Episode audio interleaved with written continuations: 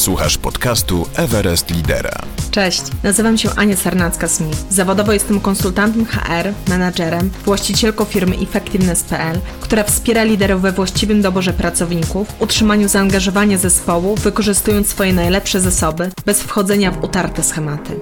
Cześć, dzień dobry. Zanim przejdę do tematu dzisiejszego odcinka, chcę zaprosić Cię na e, webinar, który poprowadzę już 1 marca o godzinie 13. E, to będzie ważne wydarzenie, bo będzie dotyczyło tematów, które e, podejmuję też w ramach tego podcastu. Otóż jak współpracują Polacy, czego potrzebują, czego oczekują, jakie działania mają realny wpływ na podnoszenie jakości współpracy w 2022 roku i co zrobić, by je wdrożyć w konkretnym zespole. Innymi słowy, e, opowiem Ci o takich pięciu potworach współpracy po polsku, które naprawdę możesz wypędzić na dobre ze swojego zespołu. I ten temat omówi odnosząc się do wyników badania, ale też uwzględnię kwestię pracy w modelu zdalnym czy e, hybrydowym. Co ważne, e, moim gościem podczas webinaru będzie Magdalena Wachnicka, HR Manager, która opowie, jakie działania na rzecz właśnie współpracy podejmuje Vinci Facilities Polska. Zatem no, będzie merytorycznie, będzie konkretnie ze sporą dawką przykładów i rozwiązań, które naprawdę możesz e, zaimplementować w swoim zespole, jak się dobrze do tego przygotujesz. Link do zapisów znajdziesz w opisie tego odcinka. Mm, przypominam, 1 marca, godzina 13. Co ważne, tylko osoby zapisane otrzymają nagranie tego spotkania i e, raport dotyczący jakości współpracy w polskich e, firmach. No, jak zawsze, będzie mi też bardzo miło, jeśli informacje o tym wydarzeniu przekażesz dalej. A ja już przechodzę do dzisiejszego tematu. Tytuł tego odcinka: Delegowanie. Jak to robić, by ludzie nie chcieli od ciebie odchodzić? Kiedy wypowiadałam tytuł tego odcinka, to się sama do siebie uśmiechnęłam, bo usłyszałam, że nawet mi się zrymowało. Jak to robić, by ludzie nie chcieli od ciebie odchodzić? Chyba ta rymowanka wzięła mi się z takiego entuzjazmu, który mam dzisiaj na myśl o nagrywaniu tego e, odcinka, bo to spotkanie jest takim e, efektem mego ostatniego przebłysku mentalnego, e, którego doznałam w jednym z ostatnio prowadzonych projektów dla klienta Effectiveness. Otóż projekt dotyczył rozwoju kompetencji menedżerskich i postawy liderskiej, gdzie sobie przegadywaliśmy w indywidualnych spotkaniach z szefami zespołu, zespołów, to co wypracowali w określonym czasie, jakie zachowania wzmocnili, jakie cały czas mają mocne strony, jaką unikalną wartość wnoszą do zespołów, czy mogą te swoje zespoły wspierać, ale też jakie są elementy E, zarządzania, nad którymi jeszcze warto popracować, które po prostu warto rozwijać, których zespół będzie potrzebować. No i e, no, co by nie patrzeć, to właściwie no, w każdej rozmowie przewija się temat delegowania, no bo delegowanie jest no, integralnym elementem zarządzania zespołem, no i z tym trudno dyskutować. Natomiast ten mój przebłysk mentalny dotyczył tego, że w tym delegowaniu jest taki element, które jest wciąż bardzo niedoceniany, o którym zapominamy, e, a który ma naprawdę wpływ na to, e, czy ludzie będą chcieli ze mną pracować, czy rzeczywiście będą chcieli się przy mnie rozwijać, czy też może będą sobie myśleli, dobra, przy najbliższej okazji sobie poprzyglądam się temu, co tam rynek e, oferuje. No i naturalnie, że od tego, czy ludzie zostają ze mną, czy nie, od, jakby wiele czynników ma na to wpływ, no ale to, co się dzieje też na etapie delegowania, naprawdę będzie miało ogromne znaczenie. No i stąd, stąd i pomyślałam, że tym się dzisiaj z Tobą podzielę. E, stąd ten mój entuzjazm i chyba ta rymowanka. Więc to, co dzisiaj ode mnie dostaniesz, to dostaniesz właśnie informacje na temat tego elementu, o którym naprawdę warto przy delegowaniu pamiętać, który często pomijamy, ale który, jeśli będzie przez Ciebie zaopiekowany, naprawdę wpłynie bardzo na podnoszenie jakości współpracy między Wami i tego, co od pracowników dostajesz w tym zdelegowanym zadaniu. Bo zanim do tego przejdę i tu Ci zdradzę ten mój efekt przybłysku, e, o którym wspominałam, to przejdźmy tak od ogółu do szczegółu. Kiedy mówię o delegowaniu, no to mam na myśli sytuację, kiedy to menadżer daje pracownikowi uprawnienia i odpowiedzialność za wykonanie konkretnego zadania.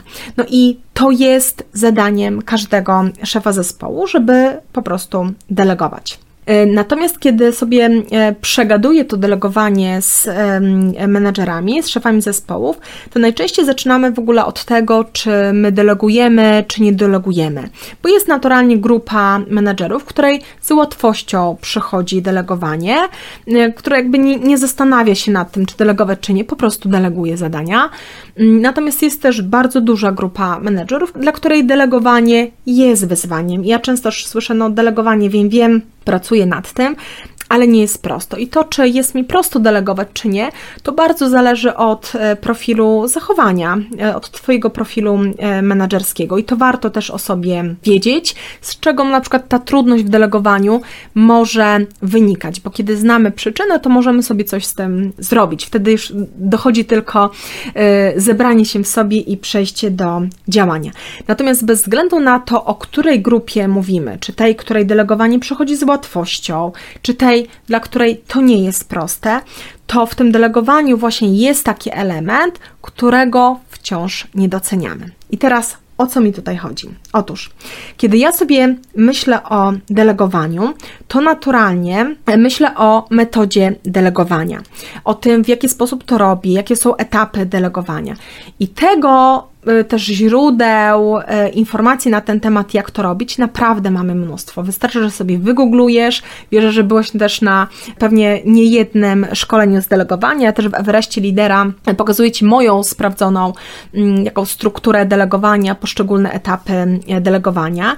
Natomiast metoda metodą, ważniejsze jeszcze i niedoceniane w tym delegowaniu jest to, co ja sobie myślę o delegowaniu, jaką ja postawę wobec delegowania przyjmuję, a od niej właśnie zależy to, jak bardzo pracownicy będą chcieli być przy mnie, czy jakby odbierać te delegowane zadania, jak bardzo będą chcieli brać odpowiedzialność za wykonanie tego konkretnego zadania. Otóż, żeby przyjąć właściwą postawę wobec delegowania, to potrzebuję wpierw pamiętać, czemu służy delegowanie. Otóż delegowanie służy temu, żeby pracownik mógł się na danym zadaniu rozwinąć. I mocno to podkreślam, szczególnie też do grupy, której to delegowanie wcale z łatwością nie przychodzi. Więc tutaj wskazuję, że jeśli mm, jakby gdzieś czujesz taki opór przed delegowaniem, jakby z różnych przyczyn, których dzisiaj nie będę rozwijać, może w innym spotkaniu, ale jakby popatrz na sobie na to delegowanie w ten sposób, że delegowanie służy temu, żeby pracownika rozwijać. Mówię też to do osób, które mają łatwość w delegowaniu. Poprzyglądaj się temu delegowaniu, jak to robisz, czy rzeczywiście to, jak delegujesz, wpływa na to, że pracownik się na tym zadaniu rozwinie. E, ja kiedy o sobie myślę i o tym, w jaki sposób ja deleguję dzisiaj w Effectiveness, to też bardzo mocno rozdzielam dwie kwestie. E, myślę sobie o zadaniach, które rzeczywiście deleguję, których celem jest rozwój pracownika, ale też jakby mam dzisiaj taką łatwość nazwania tego, że są pewne zadania, które po prostu zlecam do wykonania i tyle, bo tego na przykład wymaga no projekt, y, nie wiem, wymaga sytuacja, wymaga, nie wiem, nagrodzenia jakichś zadań, ale czasami też, zwyczajnie też zrzucam na pracownika, bo jak ostatnio miałam, e, przeszasowałam swoje e, zasoby czasowe i możliwości i zwyczajnie nie, nie byłam w stanie przygotować materiałów i tutaj poprosiłam o, o wsparcie, ale bardzo jasno zaznaczałam, że też mamy taki poziom zaufania w zespole, że, że wprost mogę o tym powiedzieć, że potrzebuję na Ciebie to zrzucić, tutaj potrzebuję Twojej pomocy, bo zwyczajnie popełniłam błąd w tym, jak sobie rozplanowałam pracę. Mówię o tym wprost, no bo ja też pracownikom szczerze mówię, co mi też e, w tym moim, w mojej pracy zwyczajnie nie wychodzi. Więc podsumowując, oddzielam to, co jest do delegowania, a co zwyczajnie jest czasami zrzucaniem na pracownika czy ze zleceniem, bo sytuacja tego może wymagać. No i teraz przejdźmy do zadań, które delegujemy, czyli których celem jest rozwój pracownika. O czym ja pamiętam? Co y, potrzebuję zrobić, żeby rzeczywiście to wspierało y, rozwój pracownika? Pierwsze jest to, że dzisiaj pamiętam, żeby delegować konkretne zadania na właściwych ludzi. I może to wydaje się takie oczywiste, ale zapewniam Cię, że takie oczywiste to w zespołach y, nie jest wśród menadżerów. Bo otóż, no, nawet osoby, które mają łatwość delegowania, warto, żeby zatrzymywały się, i do tego ja w, e, we współpracy zapraszam, żeby poprzyglądały się temu, czy mają świadomość tego, czy mają łatwość zdefiniowania, jakie to mocne strony pracownika będzie wspierało. Więc kiedy delegujesz, to nie chodzi o to, żeby po prostu tak oddać te uprawnienia i odpowiedzialność za wykonanie danego zadania i na przykład dać samodzielność w wykonaniu zadania. Nie, nie. Czy ty Zanim zdelegujesz, masz świadomość tego, jaką to mocną stronę danego pracownika będzie wspierało, jak to będzie wspierało w wykorzystaniu potencjału, który ten pracownik ma. Podając Ci przykład, jeśli ja wiem, że w zespole mam osobę, która ma bardzo rozwinięte umiejętności analityczne i e, takie też umiejętności już wnioskowania, no to zlecając dane zadanie, ja mocno to werbalizuję, jakby wskazuję, że właśnie dlatego, że to masz, to chcę, żebyś to rozwijała, bo to jest coś, co ty unikalnego wnosisz i w tym będziesz jeszcze mogła się w tym czy w innym kierunku rozwinąć. To będziesz mogła jeszcze w sobie wzmocnić. I to e, powoduje, że taki pracownik, no, czuje szczerze, że ja wierzę w to, że on ma kompetencje do tego, żeby to zadanie wykonać. A to jest bardzo ważne w tym, jak mocno pracownik się zaangażuje i na jakim poziomie w wykonanie tego konkretnego zadania. Więc ym, to ma znaczenie, jak bardzo ja też znam swój zespół. Ja, żeby właśnie y, zdelegować właściwe zadania na właściwe osoby, ja potrzebuję dobrze znać swój zespół właśnie przez pryzmat tych kompetencji też miękkich, tego, w czym ktoś jest mocny i w komunikacji potrzebuje podkreślać, jak ty te swoje mocne strony będziesz mógł rozwijać. My to jakby korzystając z Disk D3 nazywamy takim mapowaniem e, mocnych stron, tak? Jakby mamy świadomość, jakby ponazywane, co takiego unikalnego dana osoba wnosi i jak my możemy w tych zadaniach te jej mocne strony wykorzystywać. Ale też jakby nawet e, ze świadomością, co nie jest mocną stroną tej osoby i w czym może tutaj wsparcia w tym zadaniu potrzebować. Ta wiara, o której powiedziałam, y, w to, że dany pracownik wykona zadanie, że ma kompetencje, naprawdę jest tutaj ważna, bo będzie nam się przekładała na to, jak bardzo dana osoba będzie chciała, no właśnie przejąć odpowiedzialność, taką osobistą odpowiedzialność za zadanie, czego jako, jako szefowie zespołów właśnie u ludzi szukamy. Y, zdarzy się, że słyszę coś takiego, że no tam y, tak, tak, to jest ważne, tak jak mówisz, ale ja tam jestem zwolennikiem zrzucania ludzi na głęboką, wrzucania ludzi, przepraszam, na głęboką wodę, bo ja się na tym najwięcej nauczyłem i dopiero na przykład wtedy zobaczyłem, co jest moją mocną stroną. No może na ciebie to zadziałało, ale zabawniam cię, że nie każdy tak ma, czy statystycznie większość osób tak nie będzie miało. Większość osób będzie potrzebowało jakby wiedzieć, dlaczego ty to zadanie tej osobie zlecasz, jakie ona ma już zasoby ku temu, żeby to wykonać. I osoby, które ze mną współpracują, pracują, dobrze wiedzą, że ja jestem zwolenniczką tego, żeby wrzucać na głęboką wodę, no ale nie po to, żeby druga ta strona e, tam się utopiła, albo żebyśmy zobaczyli się, czy się utopi, czy wypłynie. Nie. Ja zrzucam na głęboką wodę, ale ja wcześniej e, rzeczywiście sama ze sobą przegaduję, czy ta osoba ma ku temu kompetencje, żeby z tej głębokiej wody jeszcze silniejszą wypłynąć, tak? I to pracownik bardzo od nas potrzebuje potrzebuję czuć, a do tego potrzebuję dobrze znać mojego pracownika. Drugim takim elementem, który wspiera właściwą postawę w delegowaniu, jest to, uff, to będzie mocne. Nie do każdego delegujesz tak samo.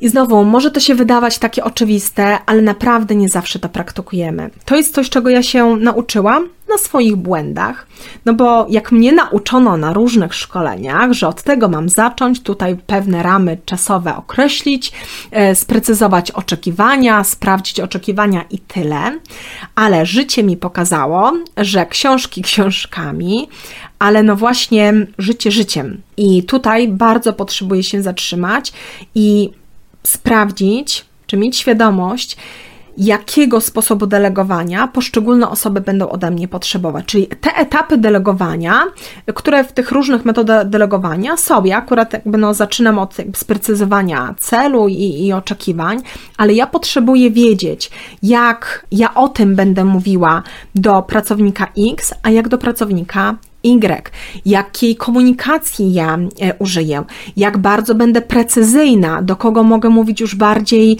ogólnikami, a do kogo potrzebuję? Właśnie bardziej konkretami, więcej podając szczegółów, e, kogo potrzebuję tylko na przykład zdopingować do wykonania tego zadania, a z kim potrzebuję przejść przez priorytety, przejść naprawdę przez terminy, przez konkretne kroki. I czasami też słyszę od szefów zespołów coś takiego, no ale Ania, jak to robić, albo po co to robić? Ja trochę sobie o tym myślę inaczej. Ja chcę oddać pracownikom samodzielność. No ale to, że będziesz e, nie do każdego delegować tak samo, to nie znaczy, że odbierzesz samodzielność. Tutaj chodzi o to, żeby mieć świadomość tego, że tak jak my, jako liderzy zespołów, jesteśmy różni, mamy różne osobowości, tak samo nasi pracownicy są różni i potrzebujemy dobrze wiedzieć na etapie delegowania, jakiej formy delegowania poszczególne osoby będą potrzebować. No tak jak wcześniej Ci podałam przykład, chociażby na poziomie komunikacji oczekiwań, czy przejścia przez e, proces wykonania zadania. Jedni po tego potrzebują, inni tego nie potrzebują i naszą, jakby nasza efektywność w tym delegowaniu będzie mierzona tym, jak mocno dostosujemy się do tego, kogo w zespole mamy. I obserwuję to, że w e, pracy zdalnej, w pracy hybrydowej e, to nabrało naprawdę szczególnego znaczenia. To takie bardzo indywidualne, w tym też w delegowaniu, podejście do pracownika, wcześniej zmapowaniu tych kompetencji i w nadaniu delegowania też takiego indywidualnego charakteru. Trzecim elementem, o którym pamiętam, że potrzebuję zadbać, żeby przyjąć właściwą postawę wobec delegowania, jest to, że osoba, której deleguję zadanie, nie wykona tego zadania tak, jak ja bym je wykonała. Czasem zrobi to gorzej ode mnie, ale czasem zrobi to ode mnie lepiej. I mm, ja wiem, że to w teorii to tak e, łatwo i pięknie brzmi, no ale znowu, życie jest życiem i to nie jest proste. I kiedy właśnie wchodzę w takie czasami tony myślenia o tym, że no przecież deleguję, ale, ale e, ktoś no nie wykonuje tego w zgodzie z oczekiwaniami, no to pamiętaj o tym, że na pewno nie dostaniesz tego zadania wykonanego tak, jak ty byś to wykonał, wykonała. Może to zrobić inaczej niż ty, ale zanim właśnie już tam będziemy e, wieszać psy na naszych pracownikach, że coś tam, czegoś e, dobrze nie wykonali, sprawdź pierwszy i drugi, o którym mówiłam, czy na pewno to zadanie zdelegować na właściwe osoby, czy te osoby właśnie mają kompetencje właściwe już ku temu, żeby to zadanie wykonać, i drugi, czy we właściwy sposób to zdelegowałeś, e, czy zdelegowałaś, czy w sposób, który będzie odpowiadał na to, czego dana osoba potrzebuje. I czwarty, ostatni element, który mi bardzo wspiera przyjęciem właściwej postawy wobec delegowania, jest coś, o czym też często się mówi, ale wcale nie tak często praktykuję, daj prawo do błędu.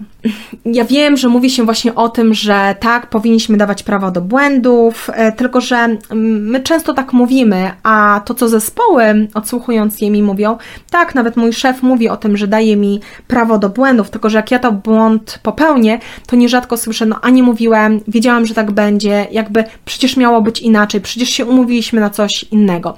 I wcale nie ma zbudowanej takiej kultury popełniania błędów. To, co potrzebujemy zrobić, to przerobić z pracownikami kwestię, no właśnie możliwości popełniania błędów.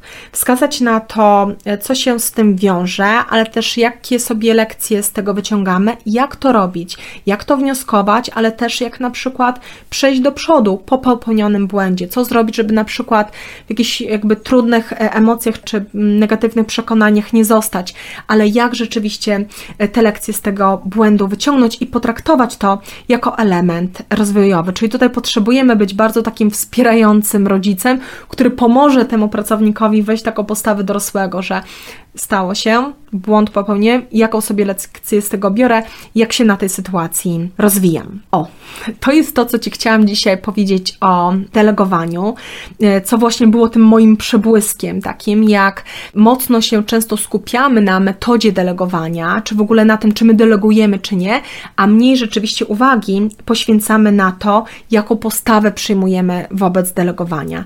I właśnie dlatego, że e, temu nie poświęcamy właściwej uwagi, bierze się, z tego bierze się to, że później jakby no, to delegowanie rzeczywiście niekoniecznie rozwija pracowników. A jeśli o to zadbasz, zadbasz o to, żeby bardzo dobrze wcześniej poznać pracowników i delegować w taki sposób, że pracownicy będą czuli, że się mogą na tym rozwinąć i ty wierzysz, że są w stanie e, to zadanie dobrze wykonać, oni naprawdę tak szybko nie będą chcieli odchodzić. Ludzie będą chcieli naturalnie się przy tobie rozwijać. No czasami ym, zdradzę Ci, że to zdarza się, że słyszę taką e, w cudzysłowie perełkę.